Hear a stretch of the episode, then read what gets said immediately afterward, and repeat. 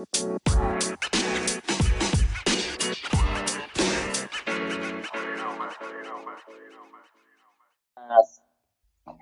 selamat datang Mas Neki di kuliah malam nih Mas Neki ya sebagai dosen tamu nih ya. Kebetulan ya. Selamat malam. Yes. Selamat malam. Gimana Mas ritual situasi ritual apa? Kalau ritual di balkon biasanya ada ini nih yang nggak bisa saya kasih lihat biasa. Oh Nanti iya. dikira sponsor lagi.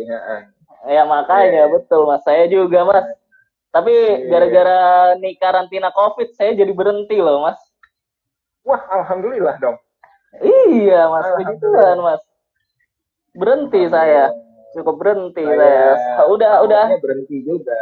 Maunya berhenti juga. udah iya udah sebulanan lah saya tidak menghisap-hisap.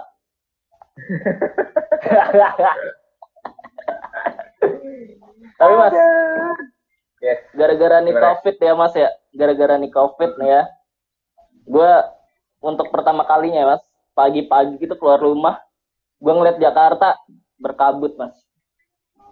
Ya, ya itu sih untuk pertama kalinya mas itu yang bagus dari ini ya, maksudnya berkah dari COVID ini ya. betul walaupun di luar itu banyak sekali yang yang apa ya, yang jadi masalah gitu ya. Eh, problem, masalah, kemudian ada kesedihan-kesedihan gitu. Tapi eh, kita bisa tahu bahwa sebenarnya bumi lagi istirahat, ya kan? betul Bumi lagi bumi lagi istirahat setuju lagi, lagi ngasih eh, semua yang terbaik dari bumi itu ya sekarang lah kita ya harusnya kita nikmatin lah ya. Sebenarnya Nah, inilah betul. poin di mana kita harusnya sadar bahwa selama ini kita juga ikut melukai bumi. Termasuk saya sih Betul, sekarang. Ya. Saya tahu sekarang saya juga lagi melukai bumi, cuma memang eh, bumi ya Allah bentar lagi ya, dikit lagi nih saya mau berhenti lah gitu. Istilah kata ya. Maunya begitu. Ya kan pada dasarnya kehadiran manusia di bumi itu malah justru merusak bumi itu sendiri nggak sih mas? Iya. Iya ya. Secara perlahan-lahan tuh. Makanya ada yang bilang kayak- ada ada yang bilang kalau eh, apa ya eh, COVID ini juga satu buah bentuk virus yang sebenarnya dia juga marah ya. Ya, Iya. satu apa ya eh, organisme yang kalau ditekan terus menerus menerus ya dia bermutasi. Akhirnya ya dia lebih sadis lagi. Tentunya Bisa ya begitu. lagi itu. Oke, Kira-kira mas, selamat malam, selamat malam teman-teman semua yang udah join. Eh, saya diundang Mas Pius Bagas nih eh, malam ini untuk untuk jadi dosen tamu. dosen Tadi tamu. kata-katanya di situ kan dosen gokil. Aduh, dosen gokil ini berat nih ini. Ini bagian ini Ya, berat. Kalau nggak gokil, kalau nggak gokil gue beban di gue nih. kan lu emang udah terkenal gokil mas di kampus mas. Aduh, aduh. Kayak siapa pun nih ya yang berhasil masuk ke circle lu, itu wah udah deh. Itu balkon udah paling mantep dah tuh. Aduh. Gimana gimana? Tapi- Yaudah, kita malam ini mau mau ngebahas apa nih, Bro? Jadi hari ini tuh kita pengen bahas uh, soal perubahan sih mas, perubahan-perubahan sikap manusia, sifat konsumen yang terjadi semenjak adanya COVID ini mas. Mas pengen tahu dong mas, rutinitas mas dulu tuh sebelum COVID dan setelah COVID tuh kayak gimana mas? Apa aja tuh yang berubah tuh mas? Hmm, kalau kalau gini, gue itu anaknya anak sosial ya, seneng Anak ketemu sosial. orang, terus Oke. eh, dagang ya kan, sales gitu. Gue kan. terus Cakep, cakep, cakep. ketemu lulu pada di balkon. Gitu. Nah, gue merasa kehilangan banget sih dan eh, apa ya? eh, Zoom atau Google Meet gitu ya, itu sebenarnya nggak nggak nggak bisa ngegantiin itu kalau gue bilang ya. Jadi my Benar. new normal Benar setuju. is not normal for me sebenarnya gitu. It will never be normal for me gitu. Tapi gue harus paksa itu kan. Yang di mana Hmm. eh, sesuai apa yang kita omongin tadi bahwa satu keterpaksaan kita bisa, kemudian kita jadi biasa, kemudian ya hopefully jadi budaya tapi gue nggak yeah. mau I rejected to become a culture gitu dan gue masih pengen uh, banyak interaksi sama, sama orang lah gitu ya gue setuju sama karena gitu, ya kan? karena uh, kontak kontak antara manusia tuh menurut gue nggak bisa digantiin sama virtual nggak sih mas iya nggak bisa kayak lu dengan gak ketemu bisa. langsung lu bisa ngobrol yeah. heart to heart itu tuh uh, sesuatu yang priceless sih menurut gue mas yeah. kalau dari sisi lu gimana mas? makanya diciptakan kata-kata berjudul experience kan iya yeah, iya yeah. experience itu ya banyak aspek gitu. Enggak enggak hanya bicara cuman tatap muka di di layar gitu. Ya gue sih gue men, gue menolak. Gue menolak untuk uh, apa ya gue menolak untuk uh, new normal tadi. Menjadi lo menolak untuk new normal? Ya oke. okay. gue menolak. Okay. gue mendingan punya solusi sebenarnya uh, kira-kira kalau lo ngomongin ah gue mendingan nyari solusi gimana caranya uh, tetap bisa melakukan banyak hal tapi dengan batasan-batasan itu gue lebih suka tetap banyak bisa melakukan banyak hal tapi dengan batasan-batasan. Oke. Okay. Iya. Contohnya banyak sebenarnya kayak di Denmark ya. Tadi gue lihat ada satu postingan di Denmark konser hmm. uh, tetap di, mereka bikin panggung tapi orang nonton dari mobil. Hmm, ya ya ya. Ya. Terus yang kedua okay, okay, ada beberapa nice, sekolah-sekolah juga di luar negeri yang mulai uh, normal lagi, cuman kursi-kursinya berjarak. Sehingga apakah hmm. di kampus kita uh, nanti itu kayak misalnya kapasitas saya misalnya eh, uh, 50 gitu. Cuman yang boleh ada di hmm. dalam cuman uh, boleh 18 orang misalnya. Hmm. Itu itu itu bagaimana nanti kalau feeling gue bulan Juni Juli akan dipaksa orang untuk harus keluar gitu. Tapi ya itu batasan-batasannya banyak ya. Iya kan kalau masa sekarang tuh kita kayak seolah-olah balik ke zaman batu gitu nggak sih mas tinggal di dalam gua nggak bisa ke mana-mana hmm. iya nggak sih iya iya iya karena iya, iya. apa ya uh, kayak ya kebebasan kita sebagai manusia tuh rasanya tuh kayak dikekang gitu. Gua ngerasa sih sekarang ya. Dan walaupun dengan kemajuan teknologi segimanapun itu ya tetap yeah. ya emosional antara manusia itu tuh nggak bisa diganti dengan virtual kayak gitu. Benar, tapi benar. uh, kalau ngeliat dari sisi positifnya nih mas apakah sebenarnya go virtual ini misalkan kayak kita nih kita ngobrol kayak gini atau misalkan uh, di luar sana bisnis-bisnis yang masih berjalan tuh meetingnya online segala macam itu sebenarnya malah membuat efisiensi waktu mas. Kalau menurut ya, gue itu sangat jadi, membuat efisien karena udah mengkat apa yang namanya kayak wah gue telat nih gara-gara gue masih di jalan kena macet bla bla bla bla bla. Sedangkan kalau virtual udah langsung ketemu. Jam berapa kita janjian oke langsung ketemu langsung uh, apa Betul. laksanain rapat saat itu juga. Menurut lu gimana mas? makanya makanya gini ini kalau kita ngomong kayak begitu ya berarti kan hilang kata-kata OTW ya kan iya betul banget itu salah betul, satu yang betul. hilang loh OTW gue iya, OTW iya. gue lagi apa OTW gitu kan sekarang misalnya gini kita janjian jam 8 ya nggak sedikit pun terlambat gitu jadi kalau terlambat pun uh, urgensi tingkat tinggi banget lah, ada emergency yang tingkat tinggi banget. Mm -hmm. Benar kata lo bahwa uh, ini menjadi uh, apa ya uh, efisien, kemudian uh, akhirnya orang akan berpikir cost efficient. Ini yang yang gue lagi perhatiin ya bahwa orang semakin lama semakin belajar bagaimana mengefisienkan mengefisiensikan apa pun apa pun ya mm-hmm. Jadi bukan hanya waktu loh, tapi termasuk uang, termasuk apa yang dia punya di rumah, kemudian eh, kegiatannya dia, semuanya tuh harusnya itu sangat-sangat amat jadi efisien. Ah. Memang jadinya, memang jadinya kalau tadi di catatan gue adalah uh, contohnya gini ya, uh, orang mulai DIY potong rambut. Lo lo juga nggak? Belum sih kebetulan pengen nyoba tapi kalau uh, ketakutannya sangat tinggi kalau potong rambut itu. Aset. Kalau gue kan memang udah ya. Kalau gue memang udah lama ya di awal. Ya. Baru baru gue mau nanya, lu potong rambut gak mas?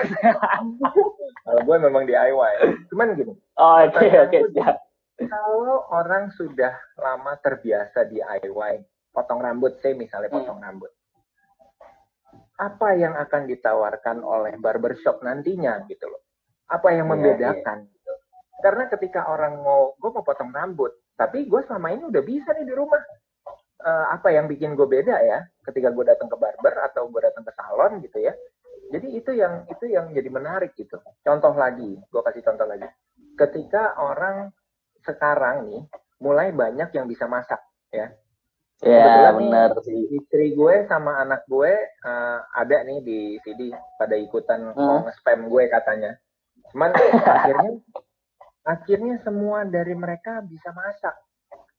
Pertanyaan gue selanjutnya, apa yang membuat orang mau dine in ketika nanti COVID ini selesai? Apa yang membuat orang mau dine in sehingga butuh another creativity dari produser-produser atau brand-brand uh, yang melihat situasi ada perubahan nih di konsumer, ya kan? Jadi dia harus lebih kreatif gitu. Orang banyak nih yang yang mikirin cost, ya kan, mikirin waktu, efisiensi, uh, itu yang kayak gitu-gitu bakal banyak. Nah, gue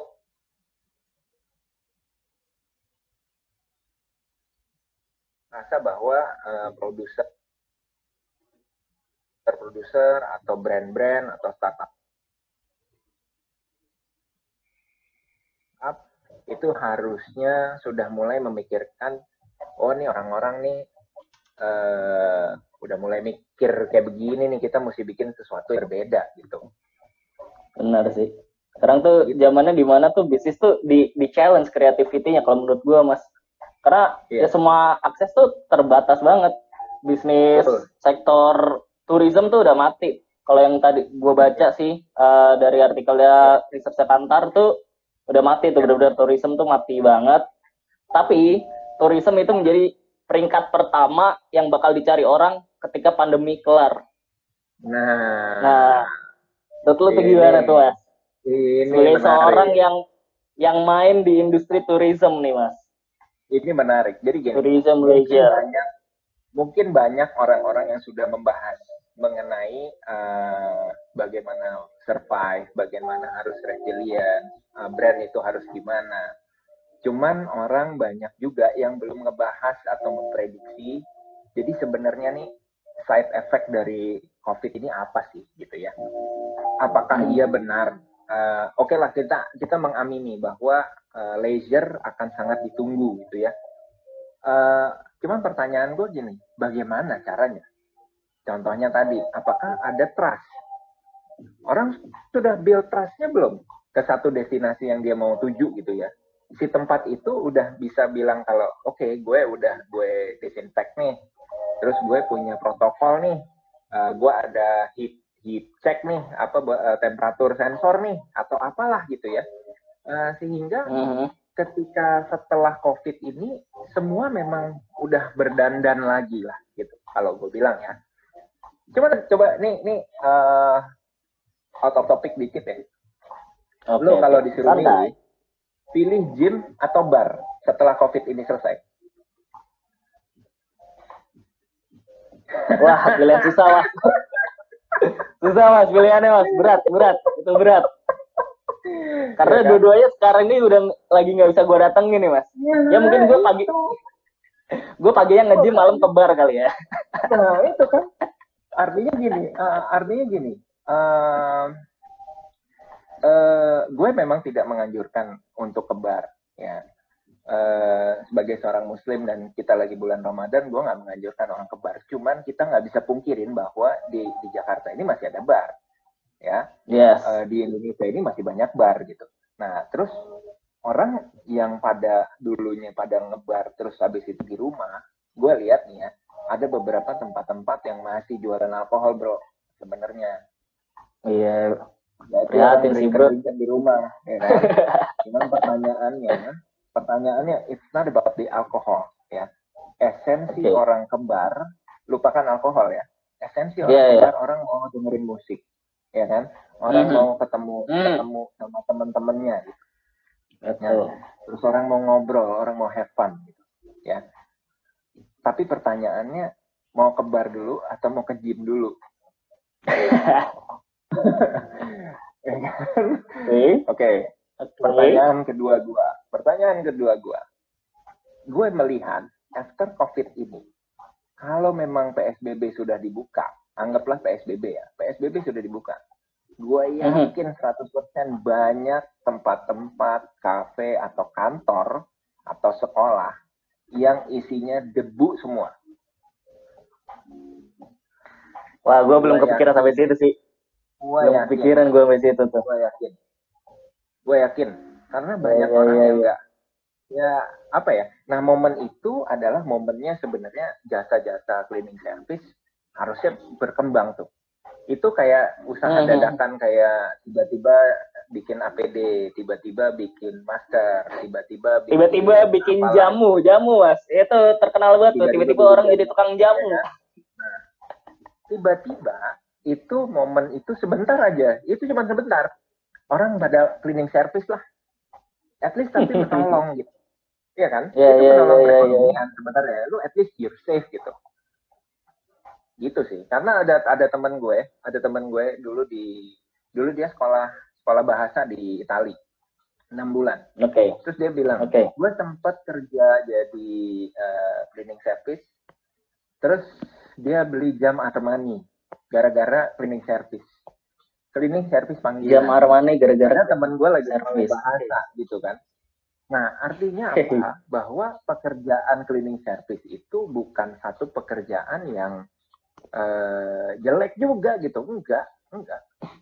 Enggak kok. Itu butuh mm -hmm. jujur aja itu butuh betul, kalian makanya ada trainingnya uh, dan gue lihat bahwa after covid ini jasa cleaning service itu gokil deh gokil deh tempat berdebu semua cuy asli cuy karena tempat asli. berdebu semua ya iya. tapi tapi banyak sih mas gue ngeliat kayak uh, tiba-tiba tuh ada deh yang berkembang berkembang juga nggak kayak mungkin kalau menurut lu cleaning service tapi yang menarik juga adalah orang-orang yang tiba-tiba jadi tukang masker itu gue juga sangat kayak wow iya. banget apalagi kayak iya.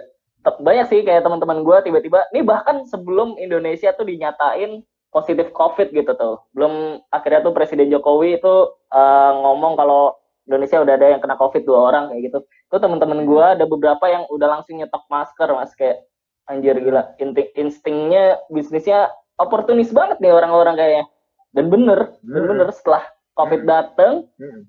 wah itu permintaannya tinggi banget setinggi itu nah yeah. menurut lu yeah. uh, ngelihat apa situasi kayak gini tuh yang tiba-tiba booming kayak gitu tuh gimana pendapat lu mas apalagi soal kesehatan hmm. ini kan di zaman sekarang rada uh, apa ya sensitif lah soal kesehatan tuh ya jadi gini uh, ini sebenarnya pembahasan yang pembahasan yang harusnya di terakhir. Cuman nggak apa-apa, gue duluanin ya. Jadi gue punya formula sebenarnya. Gue punya formula. Okay. Formula gue begini. Uh, eh, gue singkat menjadi SARS. SARS itu kan SARS itu kan penyakit ya. Tapi gue bilang yeah, yeah. SARS adalah solusi. S, okay. S ya. S itu adalah uh-huh. survive.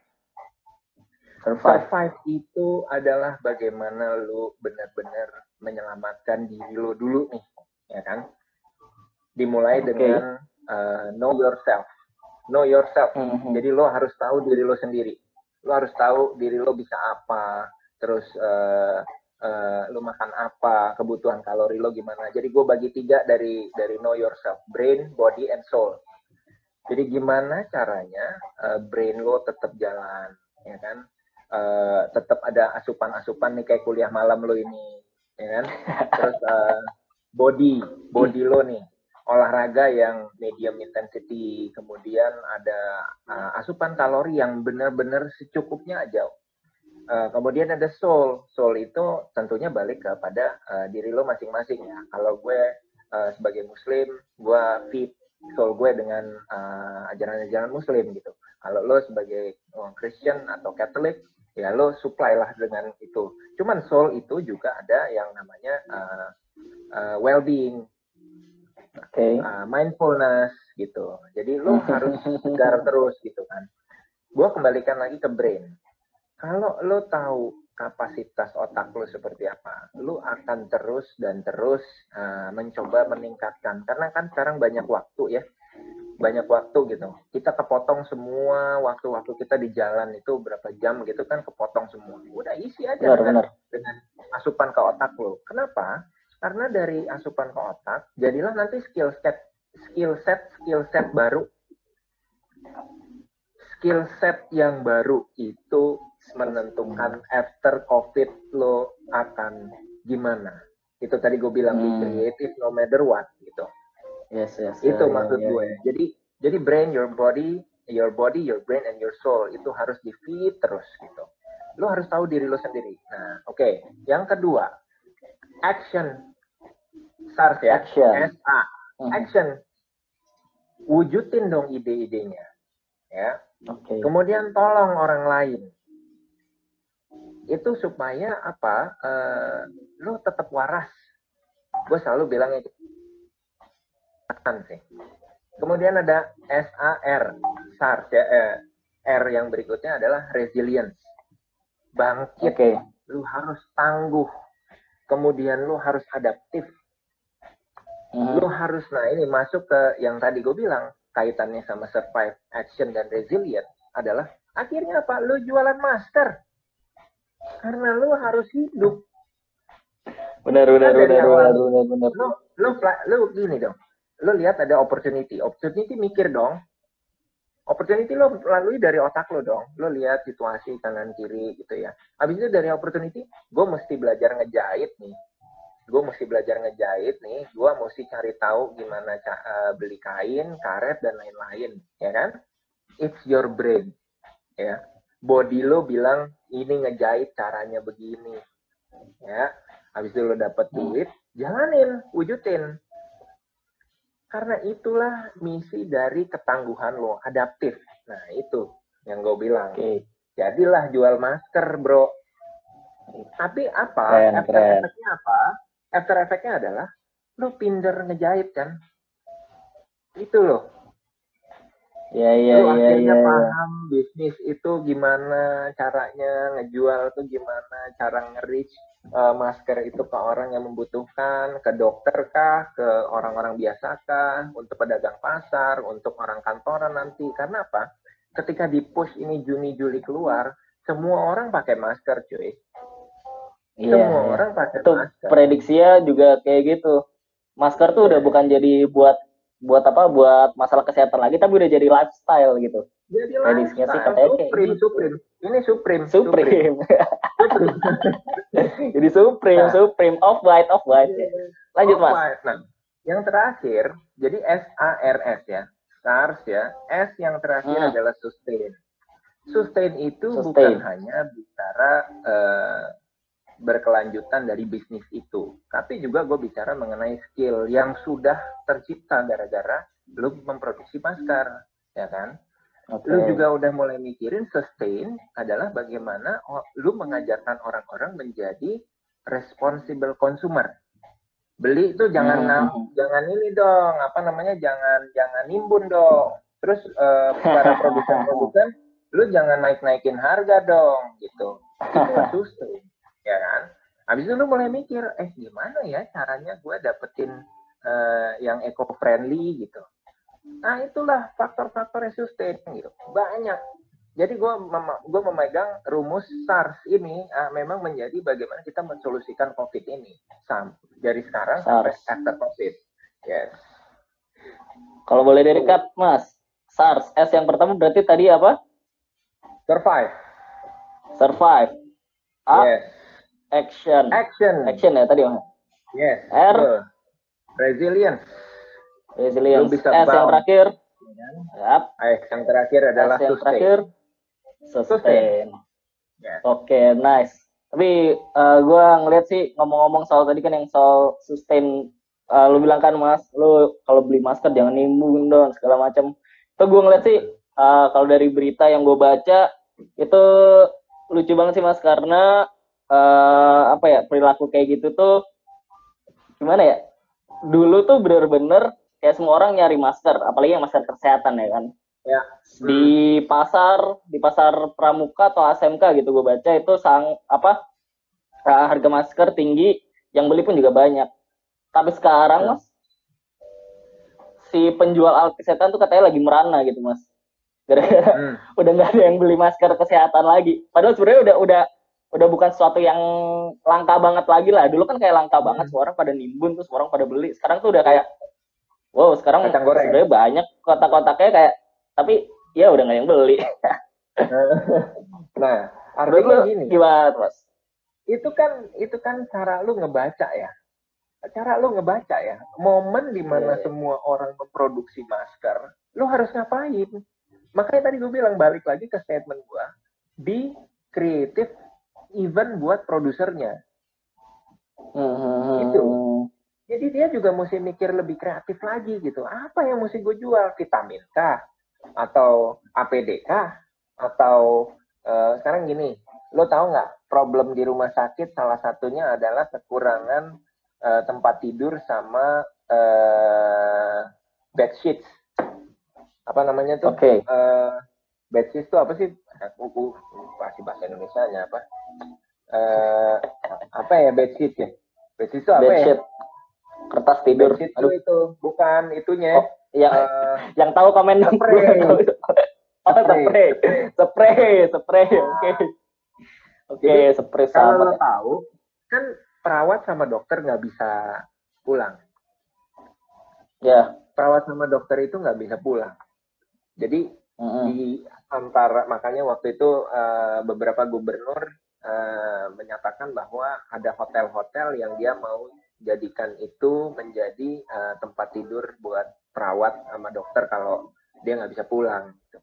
Ya, ya, ya, ya, ya. Itu kan cuma terjadi di beberapa daerah doang dan di kota-kota besar. Hmm. Apa jadinya buat di kota-kota kecil yang di mana perawat-perawat itu diusir dari kosan, apa ya kayak gitu? Kasihan kan? Iya, iya, iya, iya, iya. Kasian banget sih yang kayak gitu-gitu kayak ya kemanusiaannya di mana gitu ya. Iya. Malah kan nah, ada kan beberapa ya RT yang di kota-kota kecil yang nolak-nolak apa jenazah pasien covid tuh menurut gua kayak nah, wah membunuh kemanusiaan banget sih. Parah parah. itu. Benar. Benar. Benar. Ya itu itu kalau mengutip kata-katanya Om Deddy Corbusier ya ada fear ada danger You have fear and danger, ya, ya, ya. Nggak fear dong, itu fear gitu. Fear itu timbul dari mana gitu. Itu yang yang bikin bingung. Ada yang membuat gitu kan. Fear itu yes, pasti yes, yang yes. ngebuat. Yes, yes, gitu. yes, yes. Eh, ini seru banget nih soalnya walaupun kondisi kayak gini tuh corona tuh ada konspirasi-konspirasinya juga loh mas. Ya, gue dengar, gue dengar. Katanya sih ya, katanya dengar-dengar ini tuh virusnya ada yang buat lah segala macam kayak gitu. Yeah. terus juga jadinya malah ya justru yang kayak gitu-gitu malah justru bikin keruh sih menurut gua mas. Apalagi pemberitaan media-media sering kali kayak wah penderita bertambah penderita bertambah. Jadi seolah-olah tuh kayak bikin itu menyebar fear tadi itu.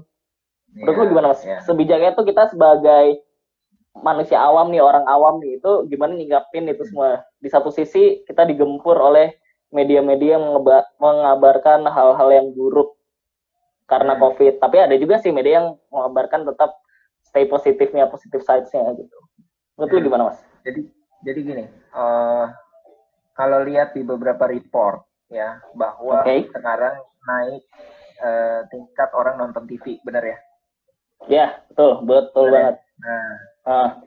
Sebenarnya kenapa orang nonton TV coba? Menurut lo kenapa coba?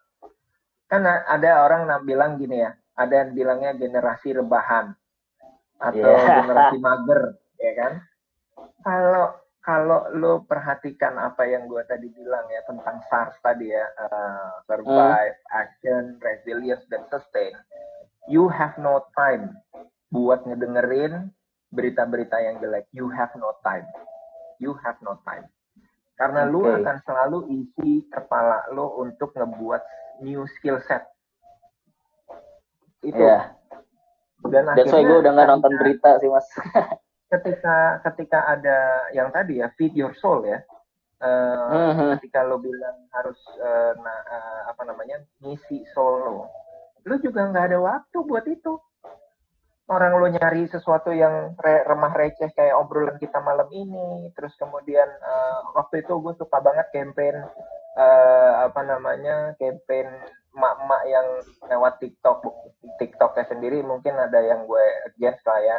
Cuman ketika lo bikin video yang lucu-lucu gitu uh, apa ya waktu itu ya di campaign yang sempat sempat heboh juga lah tuh waktu itu. Itu tuh sebenarnya menarik gitu bagaimana kita bisa mm-hmm. ngelupain sejenak lah uh, tentang tentang uh, COVID ini dan bagaimana lu mengisi lagi uh, solo dengan sesuatu yang lebih bikin lu happy. Gitu. Ya, ya, ya, ya, ya, ya, ya. Sebenarnya nih menurut gua sih uh, suasana COVID ini tuh seni menyamankan diri, Mas. Gimana lu iya. dipaksa yeah. untuk terus di rumah, tapi gimana caranya yeah. lu tetap harus seneng tiap hari ya biar lu nggak stres. Nah itu dia di sini nih seninya nih mas, buat bikin diri lu senang, bikin pikiran lu tenang ya kan. Jadi ya hmm. lu jala, jalanin hari juga seperti biasanya aja ya gak sih? Yes, betul, betul banget, betul banget. Tapi tapi gini, mungkin ada beberapa yang yang yang gue sudah survei sih. Ada jam okay. tidur jam tidur orang-orang yang agak ngaco. bener nggak? bener bener. Coba karena, gimana tuh gimana tuh? Karena menurut gue jam tidur ngaco itu sebenarnya sumber dari segala macam penyakit. Itu sebenarnya nggak hmm, boleh. Hmm. Metabolisme hmm. tubuh lo tuh harus harus ya tadi know your body kan. Lo tidur ya tidur gitu. Gue tau lah, ah, kuliah jam 8 gitu ya. Kuliah jam 8 bisa nggak sih mandi dulu? Kalau nggak bisa mandi dulu ya udah jam 7 gitu lu sarapan atau apalah gitu lu ada aktivitas apa pas lu kuliah jam 8 dulu seger gitu. Karena banyak orang yang skip jam 8 kuliah gara-gara begadang. Terus begitu bangun jam 8 dia nggak konsen gitu. Padahal lu harusnya kan fit your brain kan. Momen itu lu mesti fit your betul. brain. Itu yang yang terkadang jadi salah ya bahwa uh, lu anggap enteng di rumah terus seakan-akan setiap hari liburan uh, akhirnya ya kacau semua gitu. Itu bikin kacau semua. Lu harus tidur men. Harus tidur. Harus Tetap tidur ya? Iya. Nggak ada cerita okay. nggak. Ya gue sebenarnya gara-gara corona ini justru malah tidur gue jadi tepat waktu. Sih jujur ya. Kayak ini tuh benar-benar memperbaiki apa ya jam biologis gue lah nih mas juga. Benar banget kayak lo bilang yeah. kalau lo tidur tepat waktu lo bangunnya on time tidurnya on time ya tiap hari tuh lu rasanya happy happy aja loh. Ya, betul, betul. Ya, ya, ya, ya. Betul. Minum, minum bro. Iya. Minum dulu, minum dulu. Tapi lu ini buka sesi per, sambil buka sesi pertanyaan gak sih? Di gua nggak kelihatan, men. Di lu kelihatan. Di lu kagak kelihatan, Mas. Di gua kelihatan sih. Oke. Ada, Udah nih, gua coba deh cari nih. Ada nih beberapa yang nanya-nanya nih.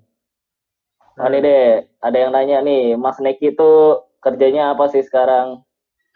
Belum ber, apa coba perkenalan secara proper. Oke. Uh, yang nanya siapa? Biar nyapa.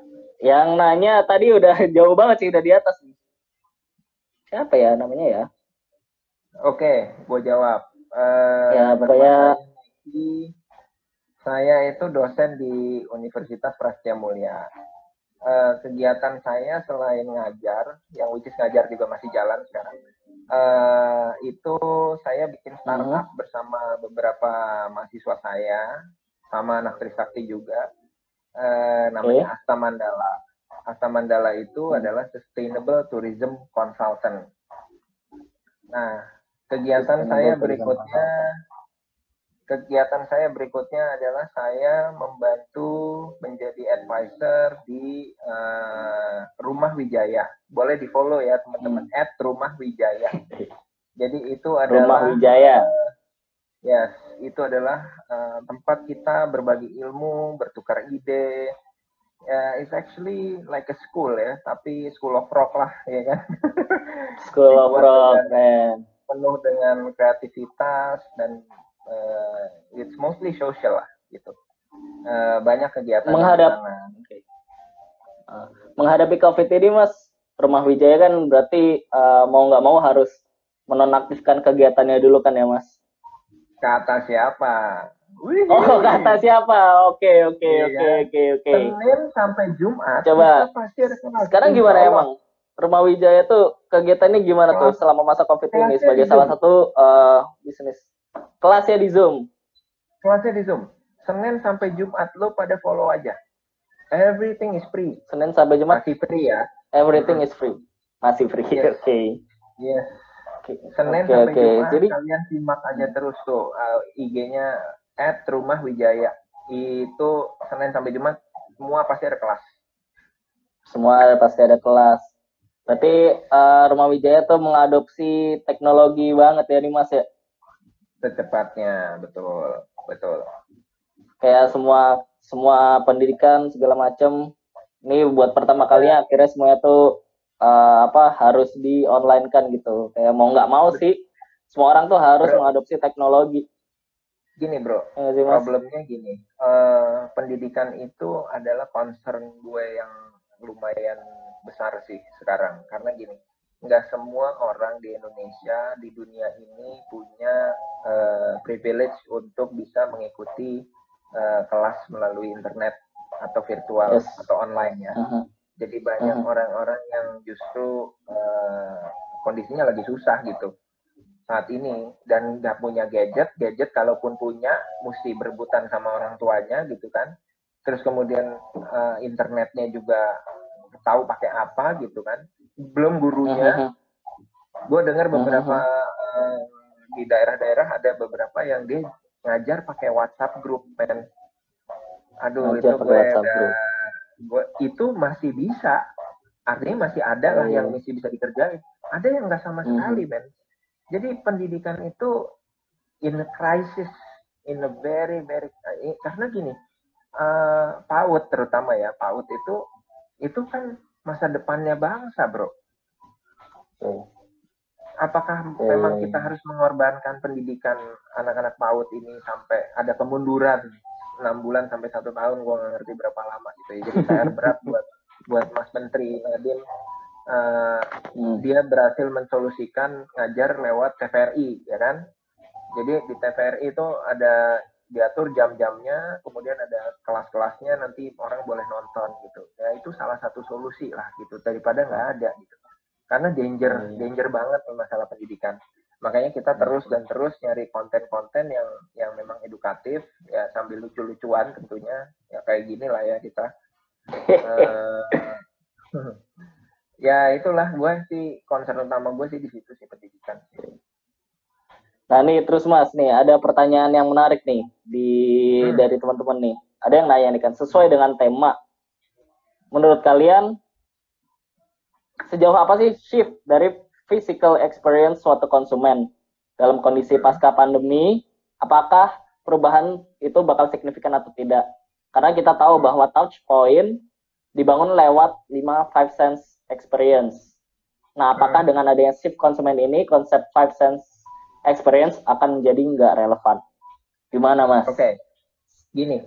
Kalau menurut gua, tadi yang nanya siapa? Uh, Abimanyu Gani. Abimanyu, nyok, gini nyok, murid gua nih.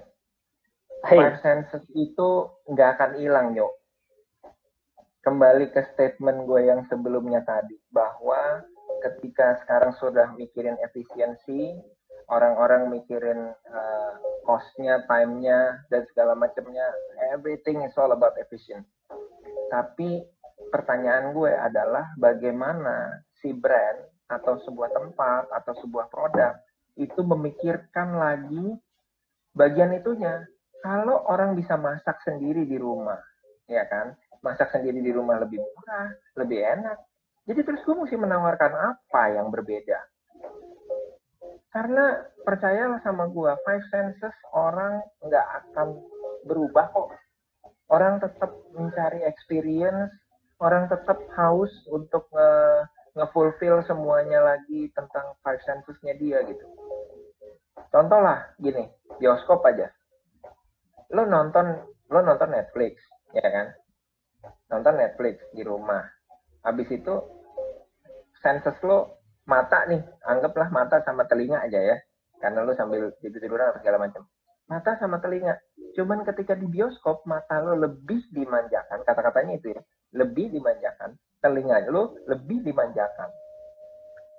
And then nonton is an experience yang lo nggak bakal dapetin dengan Netflix gitu. Gitu. Jadi kembali ke statement gue yang tadi bahwa after covid ini orang kangen kok nge-fulfill experience-nya. Cuman there has there has it has to be something new, something different. Something di something new, something yang, different. Something yang memang lu udah uh, akomodir the new normal tadi. Hmm, kan kita report-report consumer behavior changer changing itu kan udah banyak gitu kan. Banyak banget. Nah, itu yang diadopsi ya. gitu. Lu mesti ngapain gitu. Ya kayak yang yeah. bisnis subscription sekarang juga naik ya mas ya, yang pokoknya yang bentuknya langganan naik, terus kopi yeah. sekarang tiba-tiba udah pada literan semua, maksudnya udah nggak jual gelasan, gara-gara orang pengennya ya sekali beli langsung banyak buat dikonsumsi. Terus yang gua baca juga uh, durasi orang ke grocery store tuh sedikit, tapi spendingnya sekali beli langsung banyak kayak gitu. Sekarang juga kayak gitu kan mas ya. Terus ya, betul. tadi kan lu nyinggung soal efisiensi, Mas. Nah, menurut hmm. lu WFH tuh efisien nggak, Mas? Sangat efisien sebenarnya. Sangat efisien. Sangat efisien. Tapi, tapi pertanyaan, WFH. tapi pertanyaan gue gini, if we want to be a responsible consumer, ya, kita mm -hmm. mesti berdong electricity kita selama di rumah yang yang tadinya kita pergi-pergi mati-mati semua ketika kita di rumah ada beberapa electricity yang nyala ya kan Mm-hmm. Pikir juga dong, hemat listriknya gimana juga dong. Nah, iya iya iya. Ini responsible consumer contohnya. Benar, benar, benar. Bagaimana uh, lo uh, mikirin masalah waktu gitu ya. Ketika lo janjian sama orang, jangan telat juga dong bro, ya kan? Enggak gitu kan. Nah, artinya apa? Lu mulai belajar menghargai orang lain itu nah. impact empati yang akan timbul setelah COVID ini gue yakin akan besar. Yakin gue. Oke, oke, oke, oke. Karena ya gara-gara WFH ini kan uh, prediksinya jam kerja tuh dari yang awalnya dibilang 9 to 5 menjadi T eh T 3 to 2, 3 to 2 berarti tiga hari di kantor dua hari di rumah atau gimana. Nah menurut lo itu bakal efektif nggak kalau dijalanin nanti ketika uh, pandemi udah kelar tuh? Dari eh, sembilan ke lima jadi tiga ke dua. Gini terutama startup ya. Terutama yeah. startup. Gua akhirnya hmm. mikir gini itu pada masih bisa jalan kan saat ini kalau menurut gue yeah, yeah. apalagi startup hmm. digital akhirnya lo merasa perlu nggak co-working space So actually, co-working space is in danger. Kalau menurut gua. Ya ya ya ya ya ya ya. Karena apa? This new normal membuat lo bisa kerja dari rumah. Bener-bener lo bisa ngerjain apa pun dari rumah. Nggak tergantung tempat lagi ya, udah ya. Nggak tergantung harus kerja di mana lagi ya. Dari rumah aja lah ya. Nggak ada, nggak ada. Karena ini kita biasa-biasa aja tuh. Bahkan apa? Orang jadi lebih kreatif skill setnya banyak yang baru, orang lebih kreatif, orang lebih mikir, ya kan how to survive ya tadi ya gue bilang ya. Kalau lu mau survive, otak lu akan lebih kreatif dan adaptif. Setelah COVID ini, lu akan menghadapi banyak sekali orang-orang yang seperti itu loh, men. Lebih challenging, ini lebih challenging. Akan lebih challenging. Gitu. Lebih challengingnya dari segi apa nih mas? Jadi dari kayak gimana nih mas? Kayak ya kata gue bilang tadi kayak misalnya co-working space ya. Para penyedia co-working space kalau if you hear this what uh -huh. are you going to offer to your customer ya kan apalagi sih jika kita tahu kemarin ada satu perusahaan coworking space besar yang tiba-tiba bangkrut gitu. Padahal itu sebelum COVID. Setelah COVID, Hah? Iya kan? Segitu banyaknya loh. Segitu banyaknya loh. And then orang terbiasa dengan ya udah gue bekalin internet aja di rumah.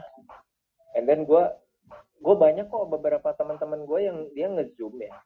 Dari jam 8 pagi sampai jam 4 sore on terus men.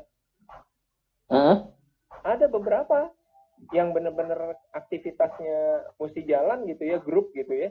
Ya udah dia internetan uh aja. Ngezoom aja terus ya. gokil kan? Ya ya ya ya ya ya itu.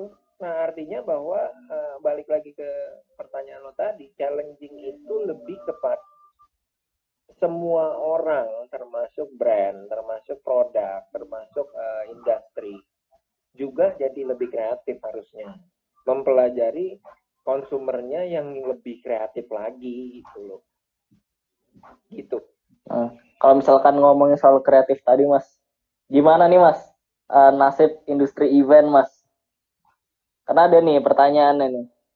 Nanti di world after corona dalam dunia event ya nih khususnya konsumen tuh bakal willing to spend gak sih mengingat semua lini ekonomi termasuk konsumen kita terpengaruh juga. Ah, itu gimana tuh Mas? Lihat apalagi okay. industri event sekarang kayaknya lagi mencak-mencak banget nih kayaknya nih. Oke, okay.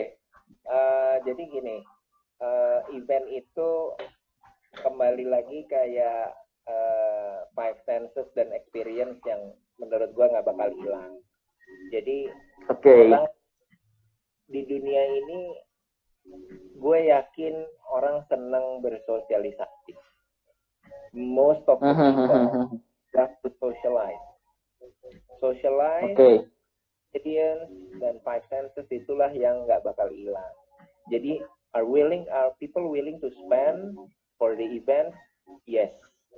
I'm still sure about that. Dan orang benar-benar uh, ngelihat live itu kan beda ya.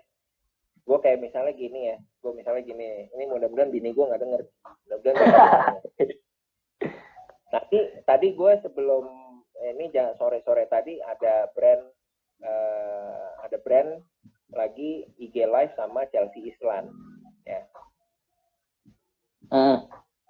terus kan gue akhirnya wih dengerin Chelsea Island nih ya kan kan Jo beda Jo kalau gue ada di situ gitu Iya iya iya iya iya. Beda, beda, beda.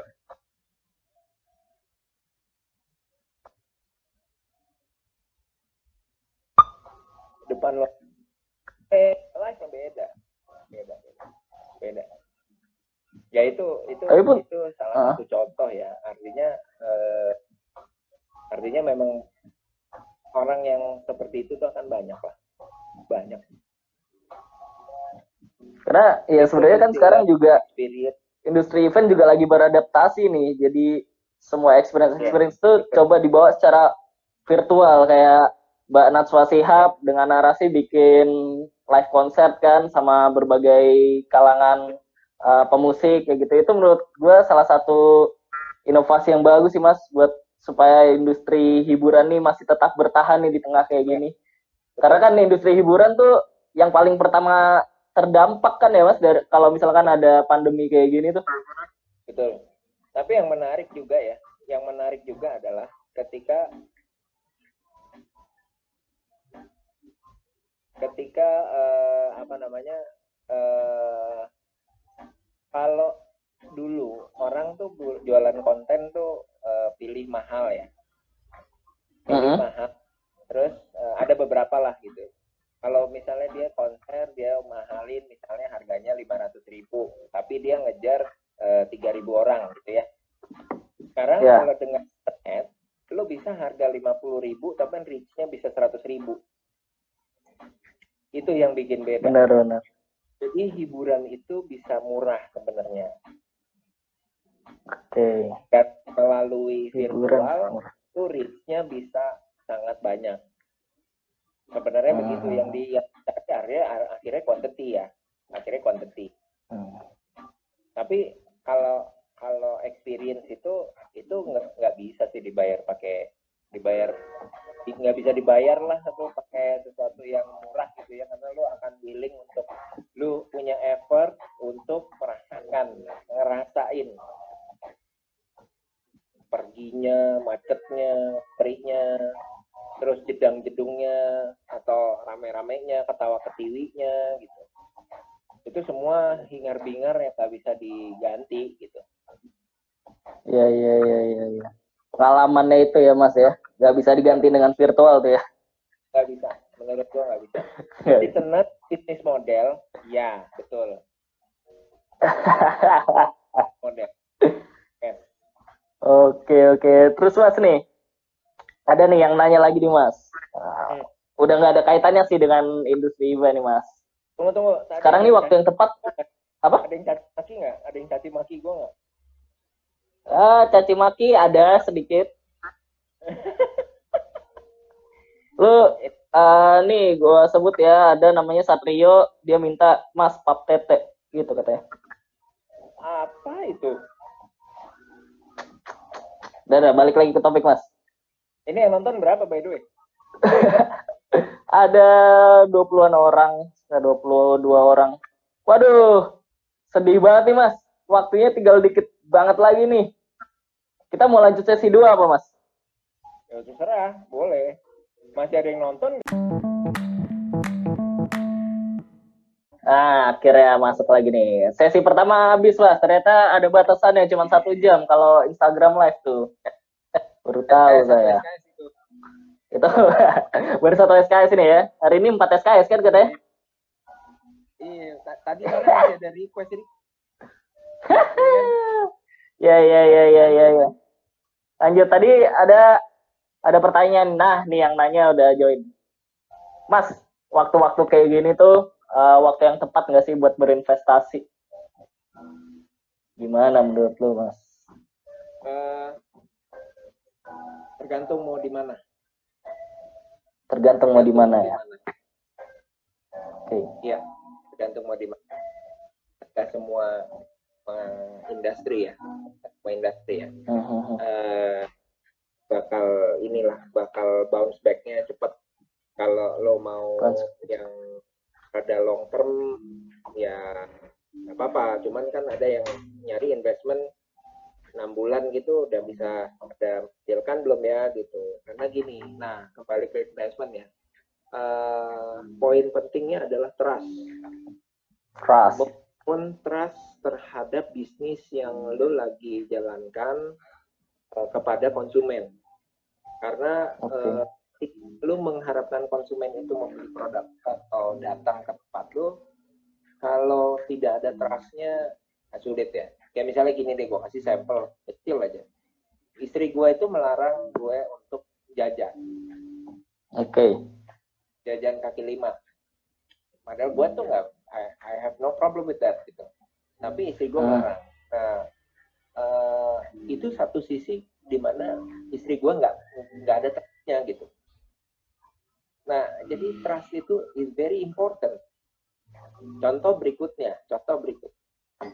Kalau covid itu dibuka ya terus semuanya udah baik-baik aja lu ada ketakutan naik bis ke airport, terus ke halte, terus ketemu orang tanpa masker, terus lo masih uh, ke paranoid lo masih ada kan? itu yang ada makanya itu harus secepatnya lo tackle gitu. Trust yang mesti dibangun itu trust. Itu. Kalau kalau di hmm. kalau di tempat tadi ya ada beberapa lah ya kayak eh, kita udah ngomongin bagaimana kebiasaan-kebiasaan buruk itu harus dihilangkan juga gitu ya terus eh, bahwa eh, oh ini jadi catatan gue juga adalah bagaimana konten-konten seperti ini itu bisa banyak orang yang pada bikin uh, yeah. karena apa communication itu penting mass communication itu penting untuk uh, uh, menyiarkan, mewartakan berita-berita atau ajaran-ajaran, ilmu-ilmu yang penting untuk uh, feed your brain. sehingga orang-orang yang punya ide atau punya sesuatu yang mereka ingin bagi bagilah kepada sebanyak mungkin orang bagilah keba bagilah kebaikan. It's part of you doing yang tadi gue bilang. Gitu. Ya. iya mas.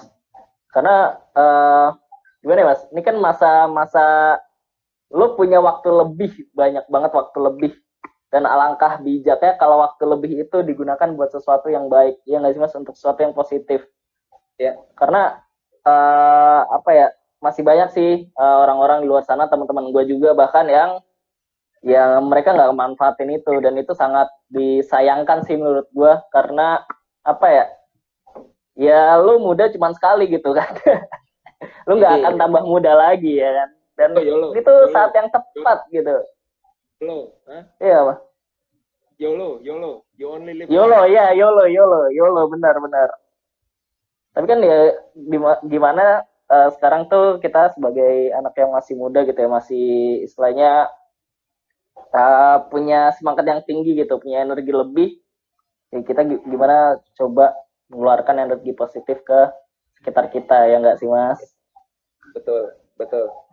Tujuh. Mas Neki aja walaupun udah lebih senior dari saya juga masih terus untuk berusaha untuk menebarkan hal-hal positif. Betul Mas? Gua udah gua udah umur apa ini udah, udah cukup tua gua. you know, masih lanjut itu dia. Gua, gua masih belum bisa bilang ya. Gue jadi sama beberapa temen gue sama satu sama satu dosen sama satu anak kelas boy kita bentar lagi ada produk yang bisa kita lahirkan dari rumah. Oke. Okay. Produk yang bisa dilahirkan dari rumah. Nice. Tanpa ada pertemuan yang harus ketemu gitu. Nantilah gua, okay. gua akan reveal very soon. Hopefully uh, in the upcoming month lah gitu. Tapi yeah, itu yeah, yeah. something yang kita tuh sebenarnya berangkatnya dari apa? Dari keresahan kok. Ada keresahan uh -huh ada pariwisata, bagaimana menyelamatkan pariwisata Indonesia yang yang hancur berantakan gitu. Ya, we came up with an idea dan pada saat kita presentasi orang uh, mereka interest gitu. Tinggal kita tinggal merapikan uh, eh, MVP-nya doang aja sekarang. Iya, yeah, iya. Yeah. BTW teman-teman, uh, tugas akhir gue juga berhubungan dengan pariwisata, tapi karena COVID jadi nggak bisa dilaksanakan. Tapi gue juga berusaha beradaptasi dengan uh, mengubah konsepnya ke virtual. Bakal launching soon, segera. Jadi tunggu aja. Oke. Okay. ini Mas Reki belum gue belum gue ceritain nih soal ini nih. Nantilah. Nanti kita share sendiri ya. Iya, iya sharing sendiri aja ya Mas. Itu. Ini ada ada temen nih dari ITB nih nanya nih. Oke. Okay. Uh, melanjuti pertanyaan tadi nih Ah. Menurut analisis sederhana, katanya ada kemungkinan kita krisis lagi. Nah, gimana sih cara pitching ke investor yang baik dan nilai-nilai apa saja yang harus dibawakan? Oke, jadi gini, Ekel, namanya Ekel. Dia ini temen gue yang gue kenal dari anak Prasmul juga, uh, Rizvan. Jadi Ekel ini waktu itu bikin produk event yang menurut uh -huh. gue cukup tonal cukup sensasional. Uh, namanya namanya apa kal? Lo promo dong. Gue lupa. Wa, uh, uh, uh, apa namanya? Warga apa namanya? Warga apa sih warga apa? Ekel jawab.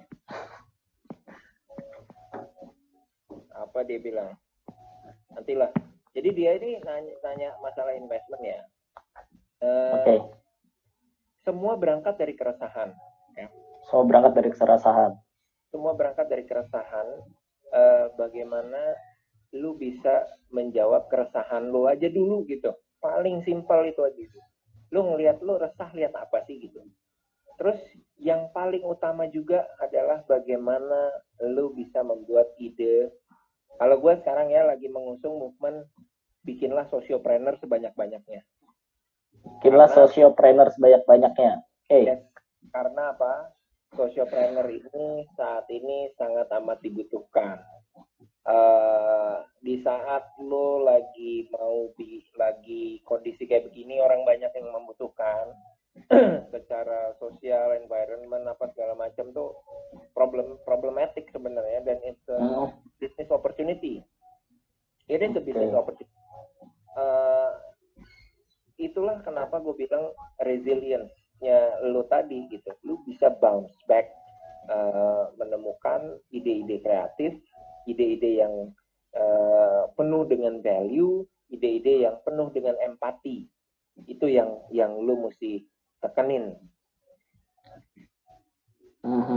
Investor investor itu gini lah, kita ngelihatnya gini, nggak semua orang ngomonginnya duit, duit dan duit. Ada value, ada empati, ada uh, social impact, apalagi kalau lo ngomongnya sama investor luar ya walaupun gue juga saat ini lagi agak alergi dengan dengan kata-kata luar karena gue lagi yang namanya lokalism ya. Lokal oke okay. lokal pride. Lokal. Cuman uh, semenjak covid ini percayalah bahwa ada orang-orang yang tiba-tiba melejit kaya kok ada bener dan itu yang harusnya kita bisa rangkul untuk membantu lebih banyak lagi. Tapi make a business hmm. out of social itu nggak apa-apa. Itu nggak apa-apa. Dan lu kalau mau kaya dari itu nggak apa-apa. Cuman ingat bahwa piramida yang terbawah lah yang lu harusnya uh, serve gitu ya. Lu serve bener, beneficial buat mereka gitu. Hmm. Gitu.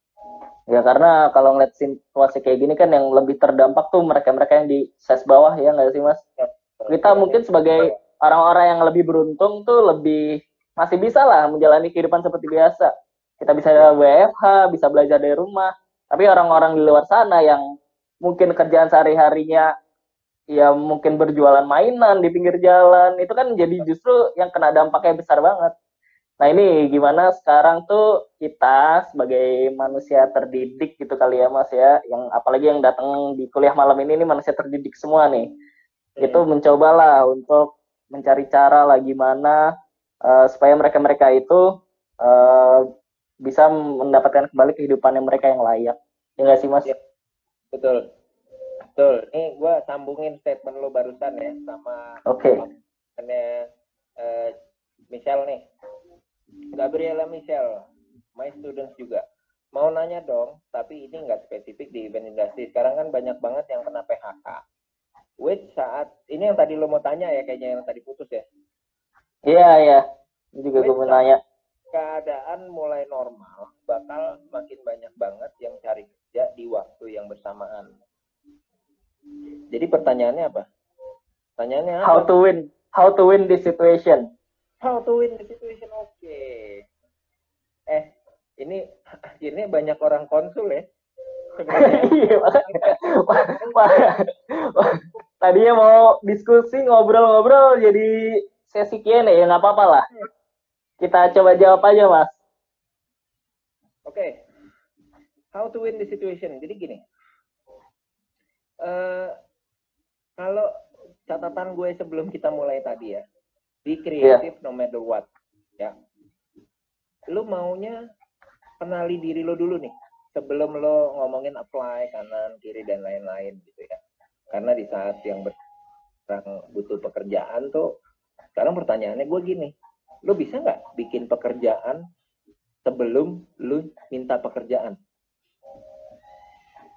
ada nggak skill set yang lu bisa bentuk sekarang pelajarilah otak lu kemampuan otak lu dan semua kemampuan-kemampuan yang terkait badan lu tangan ya terutama itu bisa ngapain contoh ada orang jago nulis, ya lu nulis. Ada orang jago gambar, ya lu gambar. Ada orang jago jahit, ya lu bikin masker. Saat ini ya. Cuman nanti lama-lama lu terbiasa dong bikin, ah kayaknya gue bisa nih bikin jaket nih. Ah gue bisa nih bikin eh, kemeja nih. Diterus di develop gitu. Your skill set has to be developed. Karena apa? Pada saat lu mau nge pekerjaan, orang akan mensortir orang-orang yang memang sangat amat kompeten dan multi skill. Catat tuh. sekarang gini kompeten dan multi skill oke okay. nah gini lo terima ada 100 CV ya anggap lalu ada 100 CV yang satu skillnya A sampai E.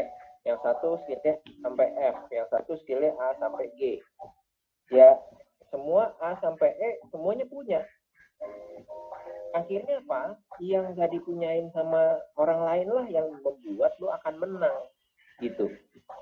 Yang kedua ingat bahwa ada skill-skill uh, yang non hard skill soft skill yang memang sama dibutuhkan kayak how you communicate, how to talk, how to negotiate, how you lead the team. Nah, yang kayak gitu-gitunya tuh uh, yang nantinya akan dibutuhkan. Bagaimana lu adaptif terhadap sesuatu. Jadi lahirkanlah berbagai project-project yang lo bisa do from your home. Karena it's part of you, it's part of your CV nantinya. Setuju, setuju, setuju. Itu.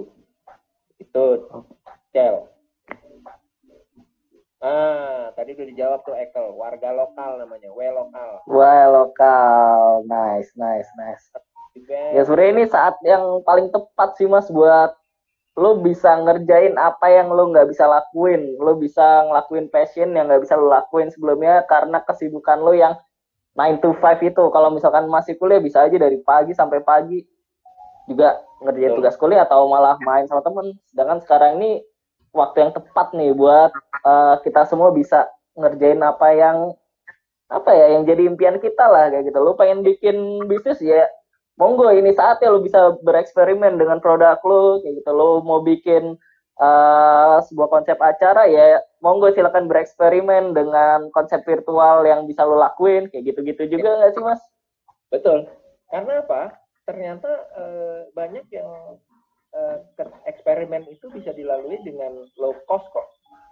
Eh, yes, ini, betul. Ya, ya lo punya lo punya apa sih keterbatasan lo apa sih Zoom 40 menit 100 orang. Ya udah.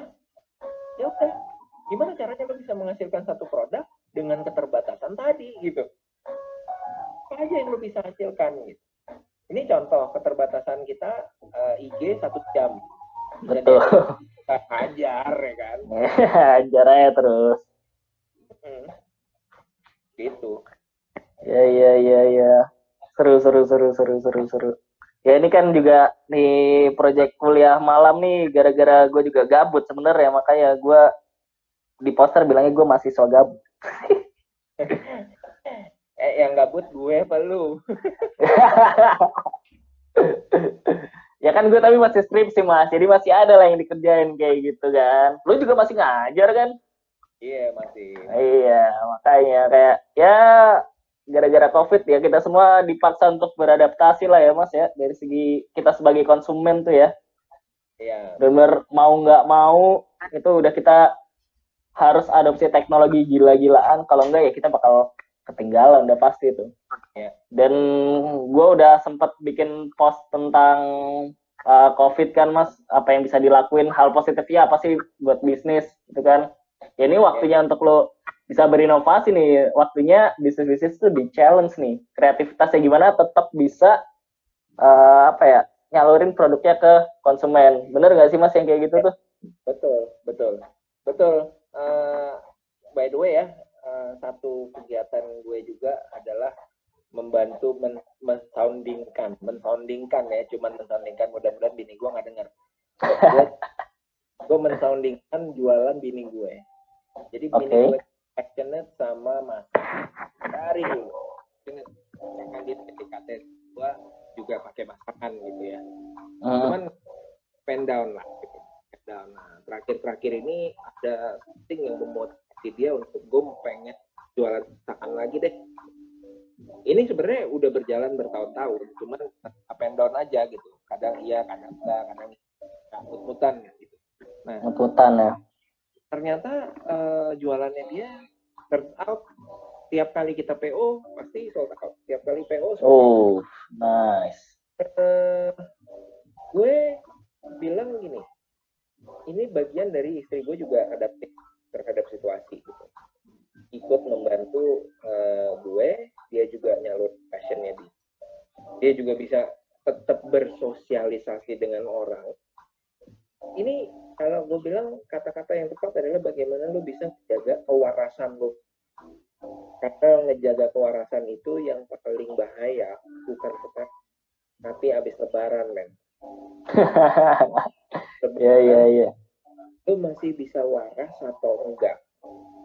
Tapi dengan hmm. kita, dengan kita membuat bisnis uh, masakan dari rumah, uh, apa namanya nerima PO dari rumah, kita juga kan membantu uh, ojol.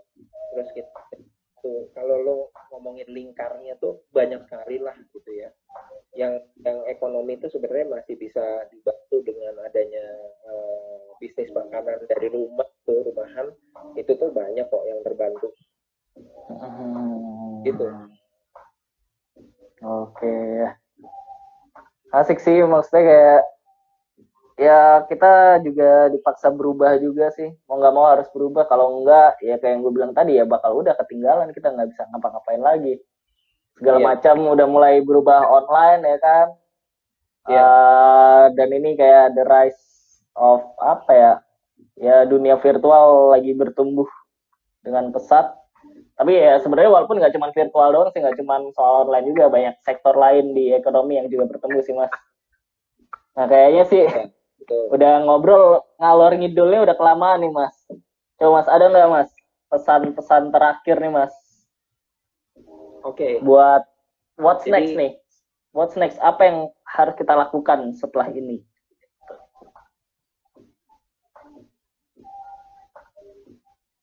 Gimana mas?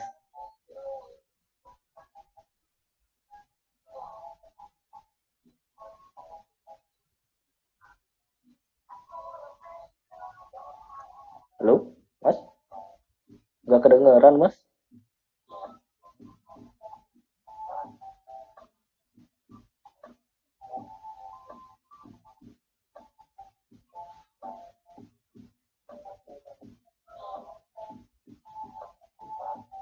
Halo?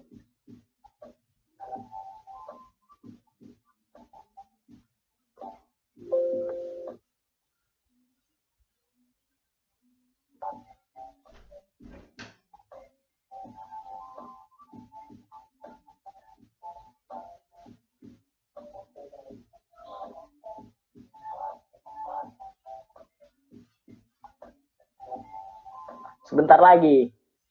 Dikit lagi. Nah. Halo Mas Ah, kira connect lagi nih Mas. Sedikit terputus ini, ya Mas ya. Ini gue jawab dua pertanyaan lagi nih. Boleh, silakan. Malam masih panjang. masih panjang. Ada pertanyaan satu. Uh, ini kan dosen juga ya Pak Pak Yudo ya Pak Yudo nanya gimana sih okay project kayak kakak gimana ngelahirin banyak project kayak kakak. Oke. Okay. uh, eh, padahal gue project ini juga sama dia juga ya kan? Iya iya iya, iya. sebenarnya gini uh,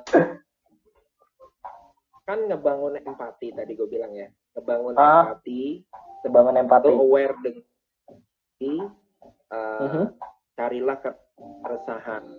Gue yakin banget akan akhir project-project itu gue yakin banget hmm. lo jangan jauh lah mikir keresahan tuh keresahan lo di rumah aja tuh contoh contohnya misalnya gimana caranya supaya nggak terus ya apa yang mesti gue lakukan gimana cara gue ngajak orang supaya nggak rebahan terus ya itu cuma hmm. contoh ya hmm. caranya nggak nonton drama dulu ya karena gini semua film yang ada di Netflix itu ujung-ujungnya bakal habis juga cuy. Bakal habis juga. Drakor yang lo tonton tiap hari akan habis juga kalau ini kita bicara covid maraton ya. Iya, iya. Kita kan ya, bicara ya. covid yang nih. Itu akan habis juga kok. Nah momen pada saat lu tahu nih ngambil momentumnya yang tepat nah ini gue mesti munculin produknya. Gue mesti bikin project yang kayak gini. Gue mesti bikin project yang kayak gini. Kayak gitu tuh Nah, terus nih ada lagi nih, mau nanya lagi nih Ekel, Ekel nanya lagi nih si warga lokal. Mau nanya lagi perihal consumer shifting. Kalau dari consumer shifting. kira-kira makanan kayak gimana sih yang bakal lebih laku? Apa sih faktor yang produsen dan kenapa? Uh, di Jakarta ini, terutama di Jakarta ya, uh, frozen food. Frozen huh? food itu lagi ngehits.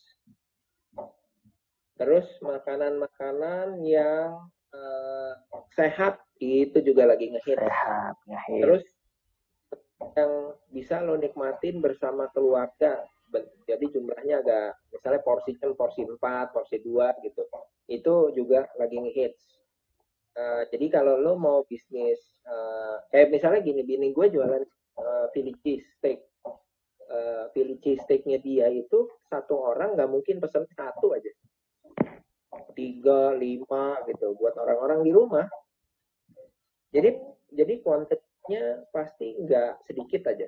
Terus frozen food ya, anggaplah frozen food tuh jual ayam goreng.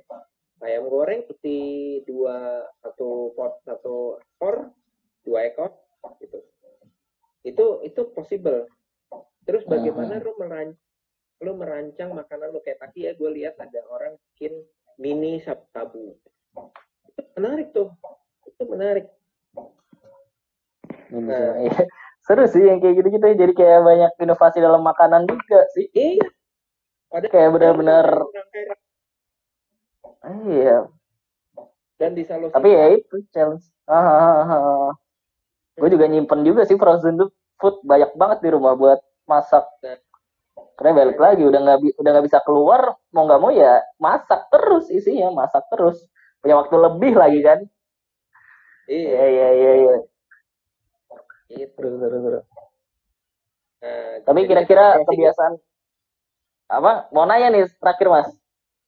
Oke. Okay. Kira-kira kebiasaan konsumen apa aja yang sekarang ada dan bakal bertahan terus sampai masa pandemi ini kelar mas? Menurut mas gimana mas? Uh, kebiasaan apa yang ini? Uh, Behavior apa yang bakal stay terus dah? People are enjoying sebenarnya ya di, uh-huh. di luar semua problem yang ada uh-huh. orang suka di rumah jadinya. Oke. Okay. orang suka di rumah. Kenapa? Karena jadi kebiasaan itu tadi yang gue bilang mager dan rebahan. Mager dan rebahan atau kebiasaan di rumah? It can be positive it can be negative. Ya. Seperti contohnya gini. Tadi pertanyaan gue makanya lu mau ke gym apa enggak karena ada orang yang memang nggak bisa tuh olahraga di rumah. Dia harus ketemu yeah. trainer trainernya kalau lewat virtual bisa enggak gitu. Pertanyaannya berapa banyak virtual trainer sekarang yang yang jadi ngetop ya kan? Terus tapi jualannya si virtual trainer jadinya apa? Session kah? Dia jualan kit kah? Gitu. Itu menarik kan? Nah, uh-huh. kan jadi memperhatikan kesehatannya. Nah ini yang menarik. Ini yang menarik karena rumah sakit itu jadi kayak tanda kutip forbidden ya buat orang-orang yang nggak covid gitu atau orang-orang yang nggak ada gejala atau nggak problematik banget. Seharusnya orang akan jaga kesehatannya benar-benar. Seharusnya ya. Dia jadi jadi jadi aware dong. Oh gue kurang kurang matahari nih gue gue kurang vitamin C nih gue minum deh.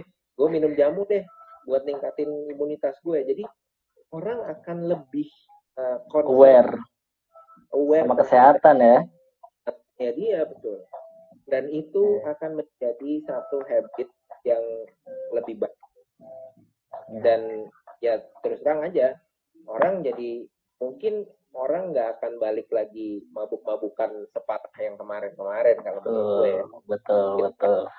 Lebih pada peduli udah kesehatan udah kesehatan. Jadi itu hal yang positif juga ya mas ya sebenarnya positif banget sih kayak gitu tuh. Ya gue secara agama tentunya gue against ya.